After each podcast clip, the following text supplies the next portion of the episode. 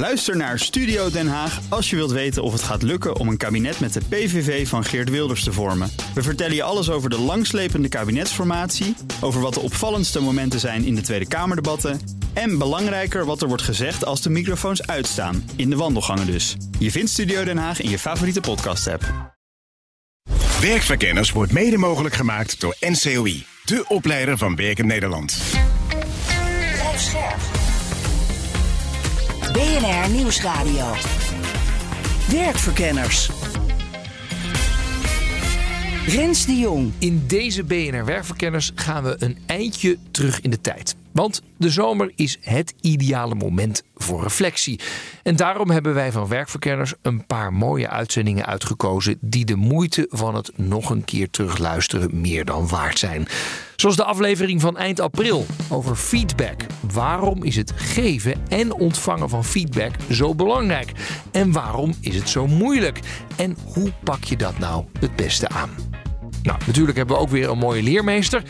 Deze keer de wethouder die in april vertelde hoe iemand haar 30 jaar geleden een motto voor het leven bijbracht. En dat motto dat heeft wel iets wiskundigs. En ook een vacature die ons afgelopen voorjaar opviel. Dat ging om een baan in het onderwijs die alles te maken heeft met datatechnologie en ethiek. Maar eerst dus feedback.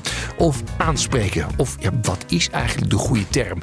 Deze gast heeft het liever niet over aanspreken. Dan gaat het eigenlijk altijd over iets wat mensen fout hebben gedaan.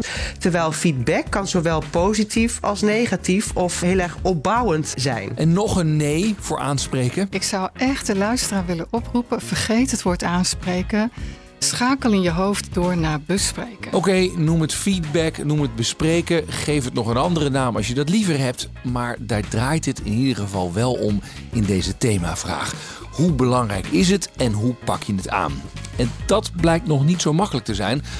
Al zijn er wel allerlei stappenplannen en modellen. De ellende van een modelletje is dat je in the heat of the moment al die modellen continu vergeet. En inhoudelijk is het ook niet al te makkelijk. Stel, ik wil feedback over mijn interviewstijl. Ja, hoe bepaal je dan wat goed interviewen is? Dat is niet zo simpel als in laat iemand uitpraten of niet uitpraten of hoe lang mag het duren. Het gaat veel meer over kwaliteit dan over iets wat heel simpel te meten is. En wat je ook altijd hoort, dat er een cultuur moet zijn om aan te spreken. Het moet veilig genoeg zijn. Realiseer je dat het is hier niet veilig genoeg niet klopt. Je kunt hooguit zeggen: ik voel me hier nu niet veilig om dat te zeggen. En willen we eigenlijk wel feedback geven en ontvangen? Nou, ik kreeg zelf die vraag. Rens, wil jij dadelijk na deze uitzending horen waar ik denk dat je het beter had kunnen? Wil je dat? Nou, ik zei na enig wijfelen ja. Dus dat hoor je zo meteen, nog voor het einde van deze uitzending. Werkverkenners. Aanspreken, feedback of toch liever bespreken, reflectie. Ja, voordat ik met mijn gasten de materie induik, vraag ik ze eerst even welke term ze het liefst gebruiken. Mijn naam is Aukje Nauta, ik ben organisatiepsycholoog. Ik ben bijzonder hoogleraar aan de Universiteit Leiden vanwege CIO, dat is een opleidingsinstituut. En daarnaast ben ik vooral zelfstandig psycholoog. Ja. Waar spreek jij nou liever van? Over het woord aanspreken of feedback? Of heb je nog een ander woord daarvoor? Nou ja, ik ben eigenlijk vooral van open dialoog. Alles uh, bespreekbaar maken. Oh. Ja, ja. Daar ben ik eigenlijk van. Dus niet En- en nog- aanspreken, nog ook niet een- feedback. Nou ja, feedback vind ik misschien wel mooier dan aanspreken. Want aanspreken dus heeft iets corrigerends. Ja, ja. Dus als we al iets moeten kiezen, dan is het liever feedback dan aanspreken, begrijp ik. Maar liever heb jij gewoon het eigenlijk wel. open dialoog. Ja, open dialoog. Dat vind ik het mooiste. En, en, en liefst ook schaamtevrij. Dus dat mensen ook hun fouten, schaamtes, beperkingen, verlegenheden bespreekbaar maken. Want als je zo'n cultuur hebt, nou, dat is niet alleen maar, is er dan gewoon veel, veel humor, maar er is ook veel verbinding. En mensen voelen zich dan ook heel erg veilig. Waarom is het zo belangrijk eigenlijk om binnen een organisatie elkaar feedback te geven? Omdat dat de manier is waarop je leert en blijft leren. Als je gewoon nooit hoort wat je niet goed doet of hoe het beter kan, ja, dan denk je, oh, ik doe het allemaal kennelijk perfect. En dan ga je dus ook niet leren. Terwijl we wel weten van alles kan altijd beter. Dus feedback is een manier van on the job lerend blijven. Ja, zo ervaren we het vaak niet, hè? Nee, nee, want we zijn allemaal heel erg snel gekwetst. En we zijn ook eigenlijk wel kwetsbaar. Dus het is ontzettend moeilijk voor mensen om zeg maar te, een onderscheid te maken tussen kritiek die op de bal gespeeld is en kritiek die op de man gespeeld is. Dus ook al kan iemand bedoelen als kritiek op iets wat je qua werk niet goed hebt gedaan, dan nog kun je denken van hij vindt me stom of uh, zij vindt uh, dat ik niet leuk ben. Ja. Dus we trekken ons kritiek vaak ten onrechte persoonlijk aan. Doe jij dat ook? Want jij bent ook psycholoog, maar eh, trap je er ook wel eens in of niet? Uh, natuurlijk, ja. ik ben ook gewoon maar een mens. dus ja, ik, ik, ik ben ook geneigd om dat te denken. Dus het is heel, heel menselijk om dat te doen. Ja. Ja. Als dat nou ontspoort, hè, zo'n die kritiek of feedback of wat dan ook, ligt dat dan aan, vaak aan de gever of aan de nemer? Oh, het kan aan allebei uh, liggen. Maar het ligt hem vooral aan ons onvermogen om de onderstroom benoembaar te maken. Dus, en wat dus heel erg helpt op het moment dat je heel erg gepikeerd voelt over dat je kritiek krijgt, dat je dan, dan hardop zegt van goh, ik merk bij mezelf uh, gevoelens van enorme gepikeerdheid. En ik weet eigenlijk niet waar dat aan ligt. En als je dat op een beetje een soort humorvolle manier bespreekt, ja, dan, dan kun je samen de onderstroom bespreekbaar maken. En dan kom je er vaak veel meer uit dan wanneer je eigenlijk verzwijgt dat je die gevoelens van gepikeerdheid hebt. Oh. Je zegt dit is eigenlijk een heel belangrijk onderdeel van leren. Hoezo leren we daar dan van? Ga maar na hoe dat bij jou zit. Stel je, je krijgt kritiek op ja, dat je mensen tijdens een radio-uitzending voortdurend interrumpeert. En stel je krijgt die kritiek niet, dan weet je niet dat je dat te veel doet. En als je die kritiek wel krijgt, dan kun je ervan leren. Ja. Zijn er ook modellen voor? Ik begrijp dat er een model is van Amy Edmondson. Ja, zij heeft een boek geschreven over de Fearless Organization, de, organisa de onbevreesde organisatie, zo heet die in het Nederlands. En wat zij eigenlijk aantoont is dat, um, en dat doet ze op basis van een heel interessant onderzoek wat ze heeft gedaan in ziekenhuizen. Daaruit bleek dat uh, medische teams vaak meer fouten leken te maken, meer fouten in het toedienen van medicatie, als het hechtere teams waren. En dat vond ze heel erg vreemd, want je zou denken dat betere teams minder fouten maken. Mm. En toen ze vervolgens daar nader onderzoek naar deed, bleek dat uh, die teams niet zozeer meer fouten maken, maar dat ze fouten eerder bij elkaar melden en bespreekbaar maken. Dus een hecht en veilig team zorgt ervoor dat een team minder fouten maakt en dus beter presteert. En op basis daarvan heeft zij een model gemaakt wat erop neerkomt dat als je in een team een combinatie hebt van veel ambitie, hè, dus je wilt het goed doen, je wilt goed presteren, en je hebt daarnaast een sfeer van dat fouten, schaamtes, vragen, ideeën, uh, uh, wat het ook maar is, dat het allemaal bespreekbaar kan zijn, ja, dan zit je in een leercultuur. Als je alleen maar ambitieus bent als team en fouten en et cetera durft men niet te bespreken, dan is er geen leercultuur, maar er is een angstcultuur. Dan duikt iedereen weg en dan wordt het team dus ook nooit beter. Zij zegt dus onbevreesdheid. En jij zei net al het woord schaamteloosheid. Het lijkt alsof we dus een soort barrière over moeten. Ja, ja er is eigenlijk veel meer schaamte op de werkvloer dan we tot nu toe denken. Omdat schaamte, ook als je kijkt in de burn-out literatuur, het woord schaamte komt eigenlijk niet voor. Mm. En schaamte is haast een soort van taboewoord, terwijl het eigenlijk wel een hele grote rol speelt. En uh, ja, daarom pleit ik er ook heel vaak voor van, ja, waarom zou je niet af en toe gewoon uitspreken dat je je ergens voor schaamt of schuldig over voelt? Omdat het een hele mooie manier is om aan te geven dat je zelf daarvoor verantwoordelijk bent. Mm. En dat je dus bereid bent tot leren. En een heel praktisch voorbeeld daarvan. Het was een, iets wat ik in een, in een team ooit eens uh, tegenkwam toen ik dat team interviewde. Het was een team van wijkverpleegkundigen. En die hadden een incident meegemaakt. Uh, waarin bleek dat een van de teamleden niet kon reanimeren. Terwijl ze dat wel had moeten kunnen. En toen ja, werd een van hen heel erg boos. En, uh, nou, en toen hebben ze daarna dat incident heel erg besproken. En toen zei de een van goh, ik schaam me dat ik zo liep te commanderen hoe dat reanimeren moet. En de ander zei, ik schaam me dat ik niet kon reanimeren. En daardoor konden ze ook met z'n allen afspreken van... we gaan elk jaar op reanimatiecursus... want die vaardigheden die moeten bij ons up-to-date blijven. Ook mijn volgende gast geeft de voorkeur aan bespreken. Mijn naam is Gita Heins. Ik ben auteur, ik ben spreker, maar vooral teamcoach. En ik heb onderzoek gedaan naar aanspreekgedrag in organisaties. En ik schreef daar ook een boek over. Dat heet Aanspreek gewoon doen. Waar praat jij het liefste over? Over aanspreken of feedback? Geen van beide. Oh. Ja, Want? mag, de, Ja, dat mag mag ook. dat ook? Ja. over bespreken. Als wij het hebben over aanspreken, dan denkt iedereen dat is belerend en dat is betuttelend. Ja. En dan word ik de boeman. En dat wil niemand zijn. Dus gewoon bespreken. Ja. Wij mensen willen namelijk helemaal niet aanspreken. En we willen helemaal geen feedback geven. Er Nee. is een heel groot Amerikaans onderzoek. En hebben ze mensen gevraagd: ben je, wil je graag kritiek ontvangen? Kritische feedback? No way. Dan, nou, nou ja, ze, we zeggen allemaal ja graag. Oh. Doe mij maar kritiek, ja graag. maar als je dan aan mensen vraagt, ben je ook bereid kritiek te geven aan anderen? Dan zegt iedereen nee, nee, sorry hoor. Nee, dat laat ik aan de leidinggevende, het managementteam, de directeur. Nee, nee, ik, ik ga geen constructieve feedback geven.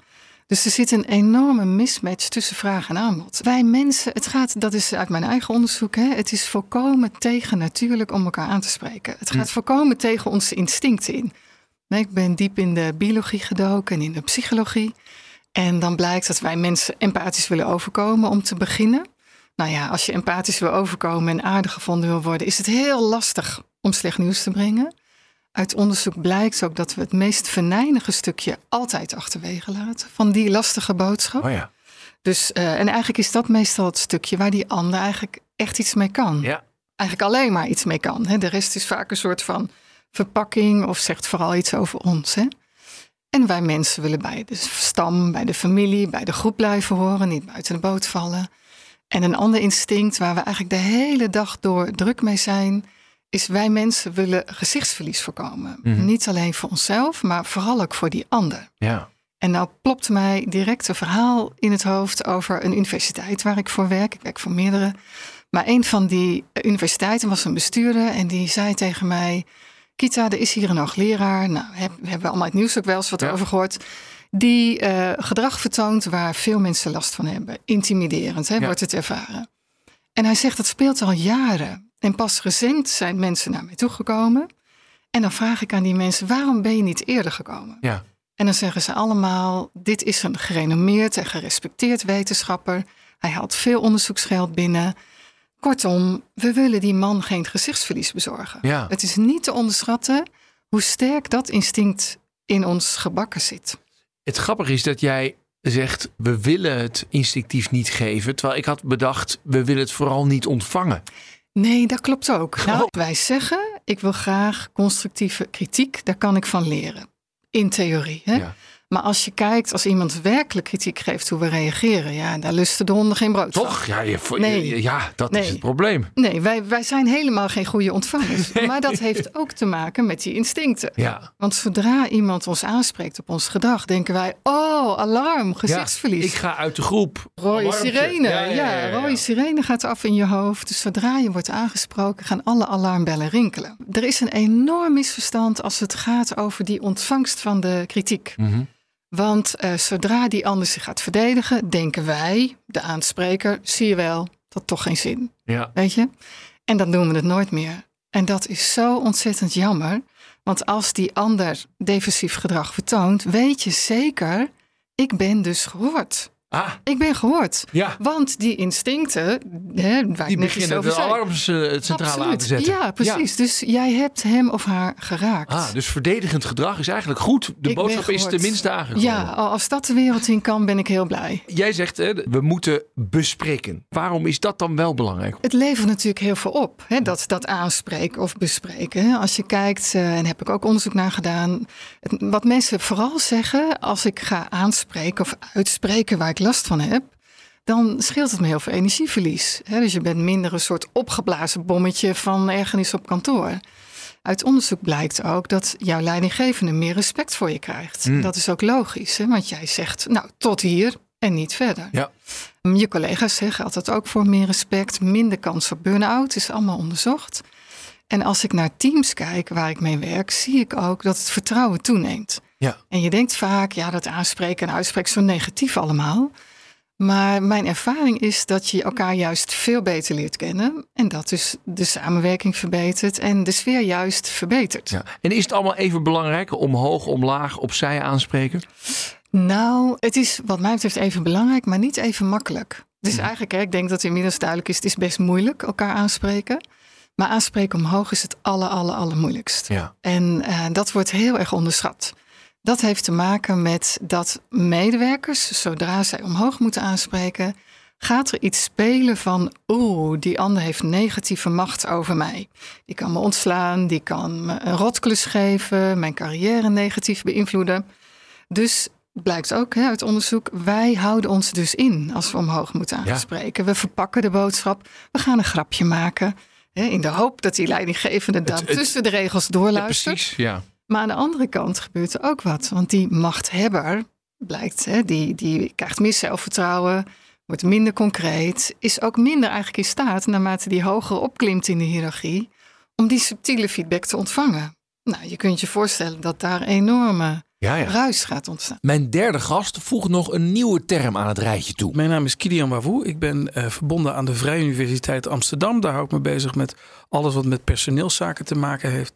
En daarvoor en nog steeds eh, naast mijn werk eh, als universitair docent ben ik spreker, zoals dat dan mooi heet, en consultant. Dus ik help bedrijven en dan met name bedrijven die eh, op zoek zijn naar oplossingen voor beoordelen, belonen of hybride werken. Waar praten we over? Aanspreken, feedback, bespreken. Welk woord gebruik jij het meest? Ik vind eigenlijk eh, reflectie mooier dan feedback. En om even een stapje terug te gaan. Het woord feedback komt eigenlijk uit de natuurkunde. Oh. En wil aangeven dat je het, het verschil aangeeft tussen een norm en een waarneming. Dus bijvoorbeeld jouw eh, thermostaat thuis, dat is een feedback systeem. En die zegt van het moet hier 20 graden zijn, het is 18, er moet 2 bij. Dat is feedback. Ah, Dus dat, daar komt het vandaan, uit de natuurkunde. En dat hebben we overgenomen in de personeelszaken. Van jij moet iets doen. Bijvoorbeeld, eh, je bent vakkenvuller. Je had vandaag 100 blikken neer moeten zetten. Je hebt er 95 gedaan. Feedback, 5 extra. Daar komt het vandaan. ja. Maar bij complex werk, zoals jouw werk bijvoorbeeld, eh, en wat de meeste luisteraars hebben, kun je niet zomaar feedback geven en zeggen: dit had het moeten zijn. En vandaar dat je dus feedback eigenlijk in de grond al een verkeerd iets, Ja. omdat het heel normerend eh, begint. Exact. Dus ik laat tien eh, journalisten laat ik naar jouw prestaties als interviewer luisteren. En die denken met jou mee van hoe dit had, beter had gekund. Ja. En dat, dat is niet per se dat je het fout hebt gedaan. Ja. En dus hou jij meer van de term, Reflectie. ja, Ja, dus ik denk met jou mee. Ik heb Mhm. een mening over. En ik denk, nou ja, weet je, misschien moet je je gast wat meer laten uitpraten. Of juist niet, of wat actiever. En zo groei jij als professional. ja. Hebben organisaties het nodig dat wij dit doen? Zeker. Als je wil groeien als professional, dan, dan is het heel belangrijk dat je met elkaar eh, dat je feedback ontvangt of reflectie of geef het een mooie naam, maar dat je hoort van anderen hoe je het eventueel beter zou kunnen doen. Mhm. En het idee van een organisatie is dat die groeit. Om er nog een leuke one-liner tegenaan te gooien. Alles in de natuur wat niet groeit is dood. Groeien is de kern van ons mens zijn. En we groeien eigenlijk door elkaar. Dus nou ja, mensen moeten met jou meedenken. Dus Rens, wanneer heb je voor het laatst feedback gehad van een paar collega's die zeiden: Nou, ik heb een paar interviews van jou gehoord. Dit zou je misschien beter kunnen doen. Nou, ik zat dat te bedenken. Niet zo heel vaak. Ik luister wel alles terug. Ja, Eh, dat is ook al eh, behoorlijk eng. ja. dat En dan reflecteer je dus eigenlijk op jezelf. Ja. En, en wat weten we nou uit onderzoek is dat mensen heel slecht op zichzelf reflecteren. Oké. dus Want zien we onszelf negatiever of positiever? Positief. Oh, ja, oké. positief. Het heeft zelfs een naam, het Dunning-Kruger effect. En komt er eigenlijk op neer dat de meeste mensen zichzelf boven gemiddeld vinden. Dus jij luistert naar je eigen interviews. Vind ik best wel goed dit. nou, Het kan wel een beetje beter, maar ja, het is toch eigenlijk wel heel erg goed. En jij, wanneer heb jij voor het laatst feedback gekregen van collega's? Nou, ik vraag altijd na een lezing. Ik wil niet van jullie weten wat je ervan vond. Als, als je, dit is ook meteen een tip aan de luisteraar. Vraag nooit aan iemand wat vond je ervan. Hè, dat, als wij dus dadelijk na- naar buiten lopen. Nou, dan vond ik jou een top interviewer. En jij vond mij een top eh, Gast, gast. En, en we lopen heel tevreden weg. Maar eigenlijk moet je vragen. Wat had ik beter kunnen doen? Oh ja. En dat is een, nogmaals een tip voor iedereen thuis. Vraag nooit meer aan mensen wat vond je ervan. Want dan zeg je eigenlijk bekrachtig mij in mijn zelfbeeld. Ja. En zeg even hoe tof ik ben. En dat doet die ander dan. En doe jij dat terug. Maar als je, wat ik dus ook doe bij lezingen. En ik geef ook heel vaak mijn boek gratis weg. En dan zeg ik, je mag het gratis hebben op één voorwaarde. Ik wil van je horen wat je er niet goed aan vond. Ja, maar ik vind dat je het net mooier beschreef. Wat had ik beter kunnen doen? Ja, dat is eigenlijk beter. En wat, wat niet goed is, is ook een beetje te prikkelen. en wat levert dat dan op? Nou, heel veel. Dus iedere lezing die normaal eindigt met, nou, was een leuke lezing. Die eindigt dan met, ja, op die slide stond een taalfout. Ik snap dit niet zo goed. Ik vond dit verhaal een beetje vaag. En dan krijg je een heel ander gesprek. Straks concrete tips over hoe je met elkaar nou het beste dingen kunt bespreken. Het liefste geweldloos. Maar nu eerst werk, waarbij je je onder meer bezighoudt met ethische vragen rondom de inzet van AI. De vacature. Iedere week speuren we het web af naar interessante of opvallende vacatures. En deze keer viel ons oog op een baan als docent datatechnologie en ethiek aan de Hogeschool van Amsterdam. Wat moet ik me daar dan weer bij voorstellen? Nou, bijvoorbeeld hoe je met een ethische manier met technologie omgaat. Nou, dat lijkt me heel actueel allemaal. Dus even bellen met het hoofd van de opleiding. Dat is uh, Rick Goosens. Ja, met Rick. Dag Rick, met Rens de Jong van BNR. Ah, hoi. Een docent datatechnologie en ethiek. Zo. Dat is een mooie titel, hè? Ja, dus, en wat moet ik me voorstellen bij deze baan? Nou, het is een heel afwisselende baan. Bij onze opleiding uh, Smart Media Production leiden we op tot uh, de mediamakers van de toekomst. En dat betekent dat um, ja, we opleiden tot professionals die met behulp van slimme technologie, chatbots, machine learning, kunstmatige intelligentie, gepersonaliseerde content maken met Ah. ethisch besef. Ja. Dus um, een, uh, een mond vol, maar uh, ook iets wat, uh, ja, waar het werkveld nu op zit te wachten. Nou ja, vooral dat ethische gedeelte natuurlijk. We hebben hele discussies met ChatGPT natuurlijk gehad. Ja. Van waar zet je het wel in, waar zet je het niet in. Is dat nou typisch iets waar zo'n docent dan op ingaat? Ja, heel erg. Um, toen wij deze opleiding begonnen, bestond het nog niet. Dus wij hebben het uh, een week na lancering uh, meegenomen. En het is typisch iets wat onze studenten uh, ook echt leren te gebruiken.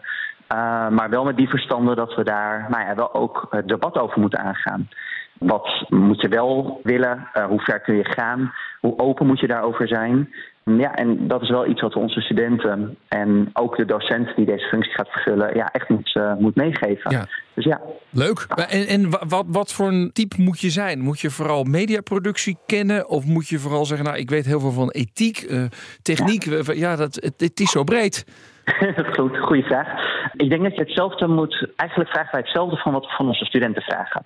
En dat betekent eigenlijk dat je vooral ja, tech-savvy moet zijn. Je moet vooral van experimenteren houden. Ja, dat, dat is wel iets wat je. Nou ja, daar moet je vooral zelf intrinsieke motivatie voor hebben. Ja. Moet je zelf in vastbijten. Zoek je mensen met ervaring in het onderwijs of zeg je nee, dat mogen ook zij-instromers worden? Het mogen zeker zij-instromers worden. Uh, onze op opleiding is heel praktijkgericht. Kijk, het is natuurlijk altijd mooi als iemand al les heeft gegeven of die ervaring heeft. Maar juist door dat praktijkgerichte zijn we juist heel blij met, met zijn instromers. En ja. dat is ook een voordeel van het HBO. Je, je moet vooral bereid zijn om wel een, met een mooi woord, didactische aantekening en opleiding uh, te willen doen. Mm -hmm. Maar die bieden wij gewoon aan vanuit de HVA. Ja, en ik zie secundaire arbeidsvoorwaarden een internetvergoeding van 50 euro per maand. Dus daar kun je een dikke glasvezel voor laten aanleggen, toch? Precies, zeker. Nee, absoluut. Ja, dat is uh, denk ik... Uh, sinds uh, corona hebben we dat eraan overgehouden. Ons onderwijs is natuurlijk altijd primair fysiek gericht. Ja. Maar ja, als docent uh, je hebt ook nakijkweken, je bent ook je les aan het voorbereiden. Uh, nou ja, er wordt gewoon gebruik gemaakt uh, ook van je, je eigen huiselijke omgeving. Dus dat is een mooie plus dat we dat erbij kunnen aanbieden. Goed, nou ik ben benieuwd hoeveel mensen er gaan solliciteren. Dankjewel Rick. Yes, super. Oké, okay, dank je. Joe. Rens de Jong. Nou, ook aan de secundaire arbeidsvoorwaarden is dus gedacht. Nou, terug naar de themavraag. Eerder hoorde je al hoe belangrijk het is om dingen met elkaar te bespreken, maar ook hoe moeilijk dat is. En dus is nu de vraag: hoe maak je het makkelijker? Hoe pak je het aan? Ja, het liefste zou psycholoog Aukje Nauta het heel organisch laten gebeuren. Gewoon op gevoel.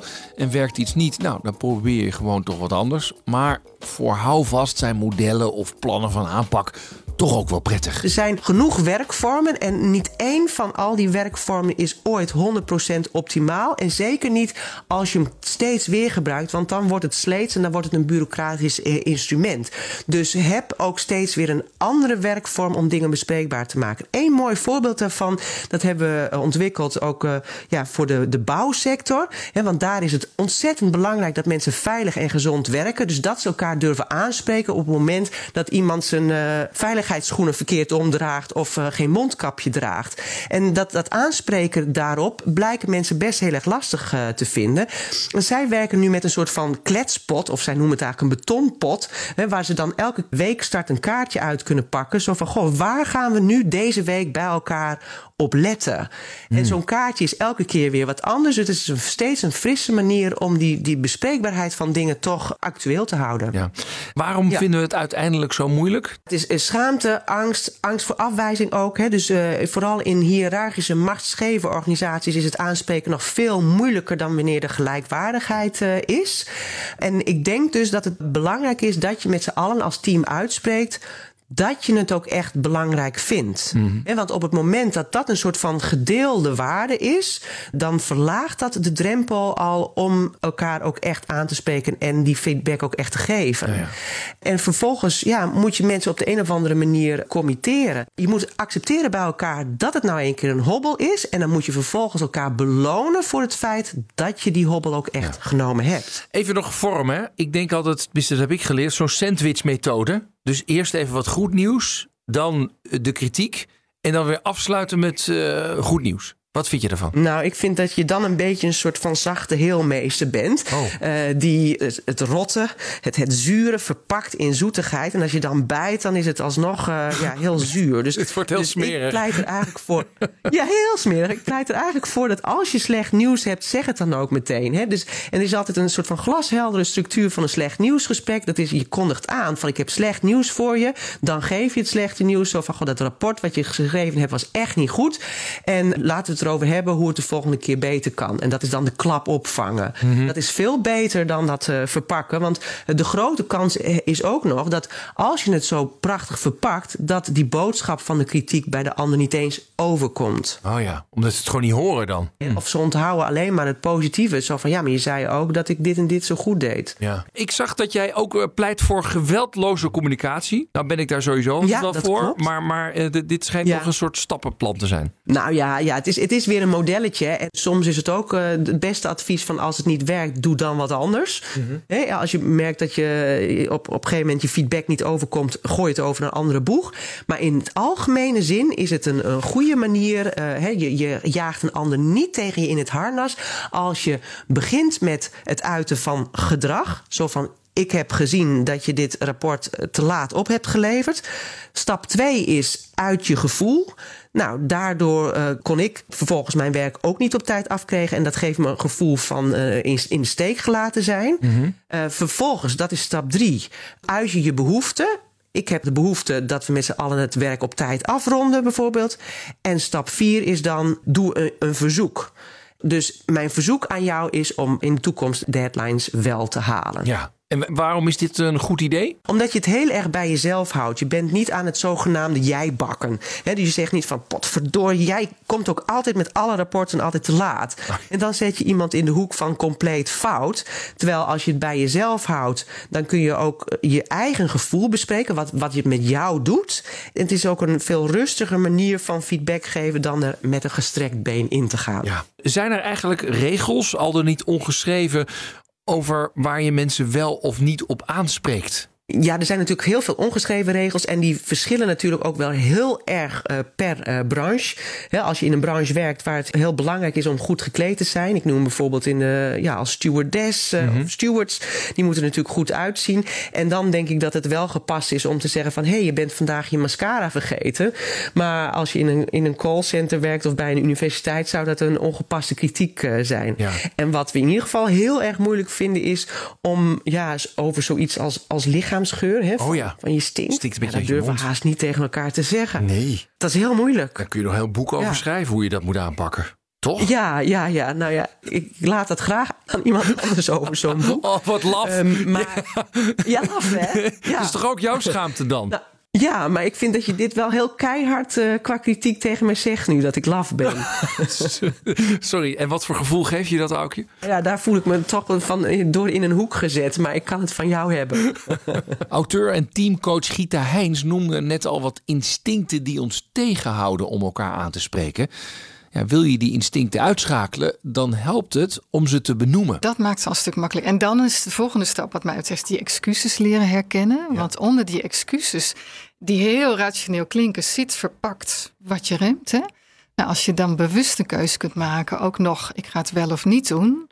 Dan ben je al drie stappen verder. We doen het nu vaak onbewust niet. Misschien nog even aardig om te bespreken hoe het niet te doen. Ja. Bijvoorbeeld als je je groen en geel ergert aan een collega die telkens te laat komt. Ja, Nou, ik heb een paar zinnen die je in ieder geval niet moet gebruiken. Het is niet persoonlijk hoor, maar... Oh, ik voel hem Ja, al. ik voel, ja, vreselijk toch? Ja, Ja, nou, da- dat zijn echt dingen. Doe dat niet, want het is hartstikke persoonlijk. Ja, wat moeten we nog meer niet doen? Zeg ook niet, ik heb het gevoel dat jij... Weet je, dat, dat is een soort softe inpakking van een keiharde boodschap. En die ander voelt toch wel dat het gaat gebeuren. Weet je, dus doe, doe dat soort dingen niet. Laat dat gewoon lekker achterwege. En dan eh, hoe het wel te doen. Als je kijkt naar hoe je het het beste wel kunt doen, zou ik zeggen, bereid eens een vraag voor. Wij denken vaak, als ik iemand moet aanspreken, dan moet ik iets zeggen. Dat zit nog een beetje gebak in het feedback geven. Dat klinkt heel erg één richting. Maar als je een vraag voorbereidt, zul je merken dat je veel meer een gesprek krijgt. Hè? Eens een voorbeeld. Nou, bijvoorbeeld, wat was jouw intentie toen je twintig minuten aan het woord was in het overleg, waar ik me groen en grijs aan ergerde? En dat laatste zeg je er natuurlijk niet bij. Ja. Maar het is heel moeilijk om je voor te stellen, wat was de goede intentie? Omdat jij je zo vreselijk ergert aan het gedrag van die persoon. Oh. Het is een hele mooie vraag om te stellen, want meestal is mijn ervaring, had die andere goede intentie, alleen was het een andere dan jouw intentie Ja. op dat moment. Ik moet eerlijk zeggen dat hij ook een beetje passive-aggressive kan overkomen. Ja, Wat je, was jouw intentie om 23 minuten lang te praten? Ja, waarom? Ja, nee, waarom? maar ja, het- snap je een beetje? Of, Ja, nou ja, of vraag, wat wilde je bereiken? Weet je, doe, doe vooral iets wat bij jou past. Ja, hè? oké. ja, ja, oké, Ga snap het. nooit iets doen. Maar, wat wil je bereiken is al minder bij mij op mijn tenen trappen. Ja, oké, ik snap ja. het. Ja. Nou ja, wat dan zul je horen dat die ander waarschijnlijk zegt... ja, ik had het gevoel dat Kees en Klaas nog niet het punt snapten... dus ik wilde het ook aan hen duidelijk Ja. maken. Dan heb jij er in ieder geval een gevoel bij. Ja. Terwijl jij denkt, ja, weet je, ik had je punt al, wijsneus. Ja. Je had gewoon eerder moeten stoppen. Oké, Nee. andere dingen om het, om het wel, hoe het wel te doen? Wat ook wel een mooie is, ja, en eigenlijk een heel basale is, maak onderscheid tussen je observaties en je interpretaties. En dat is een hele mooie zin. Het is heel moeilijk om te doen. Ja. Wij mensen zeggen dan, ja, ik heb het gevoel dat je niet meer betrokken bent tegen een medewerker die iedere keer om vier uur naar huis gaat, Mhm. bijvoorbeeld. Ja. Maar zeg dat dan. Het valt me op dat je iedere keer om vier uur naar huis gaat. Ja. Als jij zegt, ik heb het gevoel dat je niet meer betrokken bent, heb je al dubbel hè? gevoel fout en je bent meer betrokken, interpretatie, heb je direct stront aan de knikker. Ja. Dat is gewoon zo. Daarom escaleren heel veel gesprekken al in de eerste zin. Maar is het dan zo dat je zegt, joh, ik zie dat je elke keer om vier uur naar huis gaat. En dan, wat dan De- is daar een reden voor? Of, of, zeg, nou ja, dat, ja, of zeg ik dan van, en dat interpreteer ik, maar misschien zit ik mis dat je niet gemotiveerd bent. Ik hoor- ik hoor je helemaal al mis? Je ziet, je ziet mijn worsteling. Ja, ja, nou, dat snap ik heel goed. Weet je, het grappige is, Rens, je kan daar stoppen. Het valt me op dat je iedere dag om vier naar huis gaat. Ja, maar dat is toch ook al... Aanspreken is aanspreken ma- kan in twee zinnen. Hè? Ga nooit een vergaderzaal boeken en niet een uur MS Teams meeting en niet. Ga niet Oh, ja. uur. En wat nog een tip misschien daarachteraan zou kunnen zijn, want ik snap ook wel, ja, dit is een beetje kort. Hè? Dan denk je, nou, doe ik het dan echt goed? Nou, als je echt twee zinnen zou willen doen, zou ik zeggen, eh, voeg je waarom toe. En misschien moet ik die illustreren met een voorbeeld, want die is ook lastig. Ik geef wel eens training, dan staat er achter in de zaal koffie en thee. Mhm. En dan gaan mensen, daar ben ik net begonnen, en dan gaat er iemand een kopje koffie halen. Hè. Die wandelt naar achter, gaat wat rammelen, nou komt terug. En dan denkt iemand dan, hé, hey, dat vind ik ook lekker. Ik ga ook een refill halen. En dan heb ik wel eens gehad, hè, dan was ik een half uurtje bezig, hadden al vijf mensen waren heen en weer gelopen. Dus op een gegeven moment dacht ik, ik moet hier maar even wat van zeggen. Dus ik zei tegen die groep, jongens, even, even time-out. Hè. Ik zit naar jullie te kijken. Ik zie al vijf bijgevulde kopjes koffie. Nou, dan gaat die hele zaal natuurlijk naar mij kijken van ja, zo wat Kita, dat zien wij ook wel, haha. En als je daar niks achteraan zet, dan denk ik altijd ben ik ze voor de rest van de dag kwijt. En dan ben ik het zijkwijf van joh, Ja. je mag toch gewoon koffie halen. Maar ik zei er achteraan en dat haalt mij uit mijn concentratie. Oh, zei meneer op de voorste rij, maar Kita, je had ook helemaal geen pauzetijd genoemd. Ik zeg, oh sorry jongens, nou half elf? Ja, half elf. Begrijp je Ja. de kracht van die waarom? Ja. Zijn er voorbeelden waar mensen spijt hebben dat ze het niet gezegd hebben? Ja, uit onderzoek blijkt, en uit mijn, dat doe ik even uit mijn hoofd. Ik geloof dat 40% van ons denkt, als we iets laten lopen, dan lig je s'avonds in bed en denk je, wat ben ik een slappe zak. Dat ik er ook niet iets van gezegd heb. Bijvoorbeeld in een overleg, iemand noemt iets, de voorzitter of de directeur dendert er overheen. En iedereen voelde, shit, dit was belangrijk. Daar hebben we last van. Mhm. Ja. Maar het is nooit te laat. Hè? Je kunt natuurlijk volgende overleg altijd even zeggen: joh, weet je, ik lag s'avonds in bed. Of ik had tijdens het eten met mijn partner over en ik realiseerde me, ik had iets moeten zeggen. Namelijk, en dan hop. HRM-expert Kilian Wavoe zei eerder al dat je moet vragen wat je beter had kunnen doen. Ik ben de uitvinder van het woord restaurantfeedback. Wat overigens door verder niemand wordt gebruikt, maar dat terzijde. Maar ik weet niet of je eens in een restaurant zit. Maar ik hoop dat de volgende keer dat jij in een restaurant zit, dat jij mij denkt. En dan wordt aan jou gevraagd, heeft het gesmaakt? En wat zeg jij dan? Ja, dan zeg je ja, ja, Dan zeg je ja. ja, Ook als je het niet goed vond. ja. Terwijl mijn customer experience is: ik kwam binnen, ik vind iets van de kaart, ik vind iets van de temperatuur, ik vind iets van de geur, ik vind iets van het geluid, ik vind iets van. Ik, ik vind van alles. En je stelt een vraag die veel te simpel is, namelijk heeft het gesmaakt of niet gesmaakt, Ja. waarvan je ook nog eens vindt dat ik altijd ja moet zeggen. Ja. Dus ik ben nu begonnen, dat is wel leuk. Ik ben begonnen met in restaurants ook gewoon, eh, als ze aan mij vragen heeft gesmaakt, dan zeg ik tegen haar, wil je het echt weten? Het is ook passief-agressief dit. Ja. ja. Ja, dan schrikken ze zich natuurlijk al helemaal rot. Maar ik heb een, een vriend van mij heeft een restaurant. Die heb ik zover gekregen dat ze nooit meer vragen: heeft het gesmaakt? Maar dat ze vragen: wat hadden we beter kunnen doen? Oh ja. Of kun je ons één tip geven? Ja. En die is zich rot geschrokken. Want die krijgt in één keer allemaal feedback van ja, ik vind de worteltjes eh, passen niet bij de vis. En eh, de wijn was te warm. En bedoel, je vindt van alles om beter te worden. Maar Ja. als jij een goed restaurant wil zijn, is dit je, je core business. Ja, ik denk wel Ja. dat het went. Hè? Als je het heel veel vraagt, jij vraagt het heel Ja. veel. Op een gegeven moment ben je dat, heb je een beetje eelt en toch of niet? Ja. Het moet wel zakelijk blijven. Ik vraag ook aan mijn studenten van wat kan er beter.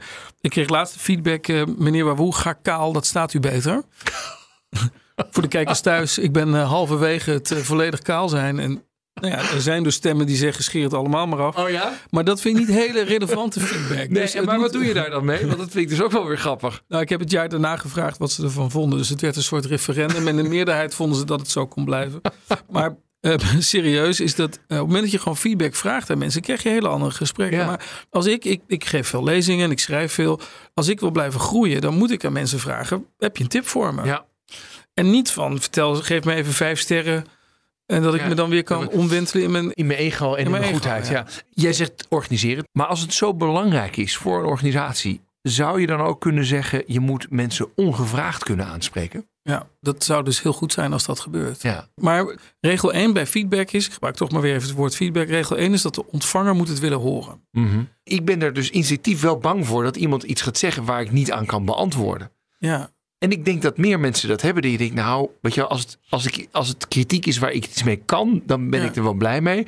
Maar als het iets dat ik denk, ja, pff, en nu ga ik helemaal. eh En dat, dat is het in. Doordat het zo groot wordt. Als iemand vraagt, wat vind je nou van mij? Dan, ja, dat is een beetje een rare vraag. Dan moet je dus hetzelfde als heeft het gesmaakt. Dan vraag je Ja. heel complex, breng je terug tot één vraag. Maar je kunt bijvoorbeeld zeggen, wat vond je van, je van mijn gesprekstechniek? Of eh, is de studio prettig? Of, eh, dus probeer, Ja, het, probeer, het wat, probeer het wat kleiner te maken. Ja. Nog, nog even de vraag over dat, dat ongevraagde. Hè? Hoe gaan we dat dan in de praktijk brengen? Stel je voor, de, Mhm. wat, wat jij zegt net, mag ik je een tip geven? Ja. Als iemand dat dan vraagt, mag ik je een tip geven? Ja, je kunt niet nee zeggen, Nee. denk ik altijd wel. Dus ik vind het soms heel ongemakkelijk. Hoe gaan we deze ongemakkelijkheid weghalen? Nou, het ehm, er is een heel mooi boek en ook een mooie TED-talk van een, een, een CEO, dus een, een baas van een bedrijf. En die zei: Ik wil hier een cultuur invoeren dat we elkaar aanspreken. En die eh, is dus ook begonnen met eh, zelf te vragen aan mensen: Wat had ik beter kunnen doen? Zeg nou eens eerlijk wat je van me vindt. En die man was in de 70 en die loopt naar zijn stagiair toe van 24 en die zegt: Zeg nou eens echt wat je van me vindt. Dus op het moment dat je aangeeft dat je het wil horen, is de kans groter dat het gebeurt. En daar gaat het mis. Dus het gaat mis in jouw geval, omdat je er dus niet om vraagt. Nee. Heb je nog een tip voor mij? Eh, ja, ik heb ooit begrepen dat het eh, NOS-journaal is gemaakt op ongeveer 4 VMBO. Dus je moet woorden gebruiken die. die ik weet, BNR is, heeft een, een iets theoretischer eh, publiek. Ja. Maar bepaalde woorden die wij vandaag gebruikt hebben, waren denk ik te moeilijk. Grappig dat je dat zegt, dat is een goed punt. Jij zei net CEO en daarna zei je meteen baas van een Ja. bedrijf. Ja, Ik hoorde is, het je wel doen, ja. ja, dat is de reden. Omdat, eh, en ik merk dat bij studenten dingen als CEO, expat, eh, CAO.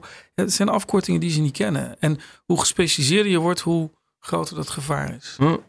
Interessant. Voor Dankjewel. mij ook nog één? Ja, ik zat het al heel hard na te denken. Ehm, het enige wat, wat ik kan bedenken, maar dat is voor mij prettig, is af en toe iets meer een punt zetten. Weet je wel, ik, ik, Mhm. ik zit natuurlijk na te denken over, ik wil verhaaltjes van twee minuten hebben ongeveer. En dan, eh, en eh, soms dan glijdt hij nog door en denk ik, ah, hier had hij een lekker een punt moeten mogen zijn. Maar ja, dat is ook meer mijn verantwoordelijkheid dan jouw Ja, maar nu ga, je, nu verantwoordelijkheid. ga, je het, ga je het weer inpakken. Weet je wel, Ja, ja, oh ja, dat mag ook de, niet. de sandwich methode. Je bent verder een hele aardige vent. Zeg nou gewoon. Meer een punt zetten. Zeg, al- zet af en toe een punt. Nou, zet af en toe een punt. Conclusie over het aanspreken. Doe het. Maar ja, hoe dan? Nou, we kunnen er zelf om vragen. En dan niet te gesloten, heeft het gesmaakt? Of te groot, wat vind je van me? Maar lekker concreet, wat had ik vandaag beter kunnen doen? En we vinden het geven van feedback ongeveer net zo moeilijk als het ontvangen. En daarbij blijken allerlei instincten een rol te spelen. Angst voor gezichtsverlies bijvoorbeeld is een belangrijke voor onszelf, maar zeker ook voor diegene die wordt aangesproken. Nou, ben je je eigen instincten eenmaal de baas, dan is het natuurlijk nog de vraag hoe je aanspreekt, of liever bespreekt. Nou, doe dat vooral geweldloos, jump niet tot conclusions, benoem het gedrag en zeg eventueel hoe jij dat ervaart en vraag naar het waarom van dat gedrag. Want ja, als je de intentie weet, dan scheelt dat al vaak heel veel ergernis. Nou, veel succes ermee. En de vraag is natuurlijk even, wat had ik beter kunnen doen? Laat het me vooral weten. De leermeester. Laatste onderdeel van deze uitzending, de leermeester. Wie zorgde bij jou voor een kantelpunt in je carrière? Wie maakte dat je een andere afslag koos? Of hielp je een stap te zetten die je anders niet durfde te zetten? Deze week ga ik even bellen met de leermeester van de huidige wethouder economie bij de gemeente Haarlemmermeer. En dat is Marja Ruigrok. Dag Marja. Hi, goedemiddag. Eh, wie is jouw leermeester? Mijn leermeester is Ivo Muizer. Die heeft mij denk ik meer dan 30 jaar geleden op het volgende motto gebracht. En dat motto dat heb ik de rest van mijn leven met me meegenomen. En dat is, als je niet kan delen, kan je niet vermenigvuldigen. Nou, ik ben heel benieuwd. Eh, wij gaan even bellen met Ivo. Ik begrijp dat hij in Thailand zit, dus kijken of wij een verbinding kunnen maken. Hallo, Dag Ivo Muizer met Rens de Jong van BNR Nieuwsradio. ik ben Ivo Muizer, dag Gens. Hallo. Eh, ik bel u voor de rubriek De Leermeester. Ja, dat heb ik gehoord. Dat, dat brengt altijd wat spanning bij de gasten met zich mee. Ehm, eh, eh, heeft, heeft u enig idee wie u als leermeester heeft aangewezen? Geen, geen idee. Nee, dat snap ik Geen wel. idee. Ik, dat, er zijn er waarschijnlijk vele. Nou, de- deze is van 30 jaar geleden, maar heb ik nu aan de lijn. Marja, maak jezelf maar even bekend. Ja, ik ben het eh, Ivo Marja Ruigrok. Oh, Marja, maar ik ben jouw leermeester toch niet? Ja, maar jij hebt mijn levensmotto aan mij meegegeven. Als je Dat niet kan ik. delen, kan je niet vermenigvuldigen. Niet vermenigvuldigd. Nou, dat, dat is waar. Dat klopt. Dat Ja. klopt. Nou, dat heb ik toch klopt. altijd ter harte genomen. Ja, weet ik. Dat kom ik nog wel eens tegen als, eh, als ik iets over je lees. Ja, Vertel het verhaal eens Nou, dat, dat dat, jullie dat aan elkaar hebben verteld. Want het is dus, begrijp ik, eh, jullie kennen elkaar al 30 jaar. Langer, denk ik. Ja. Ja, meneer Muizer, Ja. dit is een overtuiging die u aan mevrouw Ruigrok heeft overgebracht, begrijp ik. Nou, dat, dat vertelde ik haar altijd. Als je niet kunt delen, kun je ook niet vermenigvuldigen. En, in, in welke eh, context was dat? Eh, Ik heb, ben, ben, eh, ze hebben me gevraagd om haar te begeleiden als een soort commissaris, geloof ik, in haar bedrijf. En dat is, ik denk wel 40 jaar geleden. Eh, Marja, vertel eens, want Ivo was op dat moment geloof ik Ja. directeur-eigenaar van Carpetland, toch of niet? ja dat klopt. Ja. En ik was 25 en ik begon met mijn eigen bedrijf, een marktonderzoekbureau. En ik had Ja. niet de financiën om eh, commissarissen te vragen. Dus ik vroeg, eh, ik vind jou nogal wijs. Wil jij mijn wijze man worden? En Ivo Ja. was de ondernemer. En ik vroeg een andere marktonderzoeker en een marketeer van de Volkskrant toen. En met die drie heren ging ik eh, twee keer per jaar uit eten. Dat betaalde ik dan wel.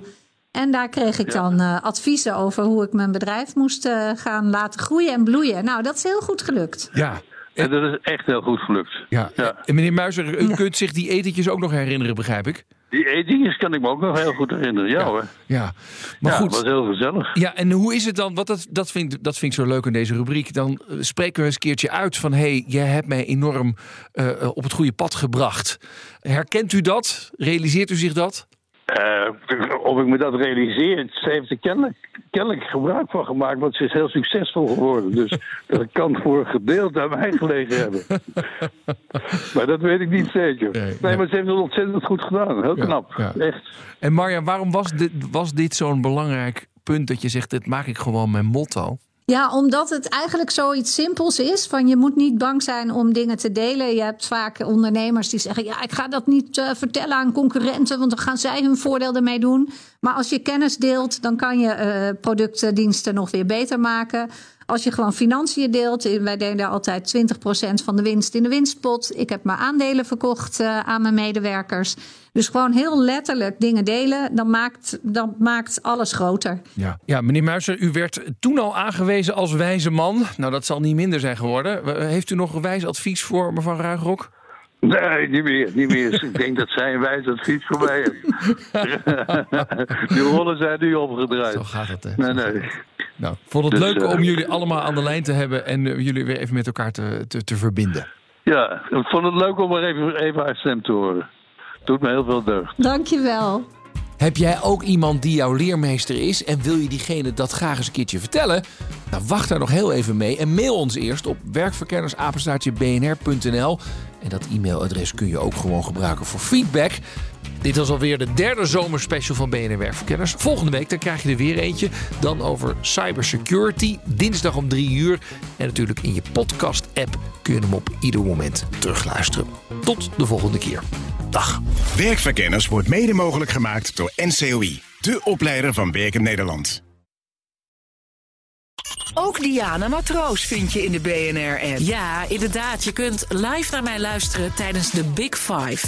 Ook handig in de BNR-app. Breaking nieuwsmeldingen, maar ook het allerlaatste zakelijke nieuws. En je vindt in de app alle BNR-podcasts, waaronder Wetenschap Vandaag. Download nu de gratis BNR-app en blijf scherp.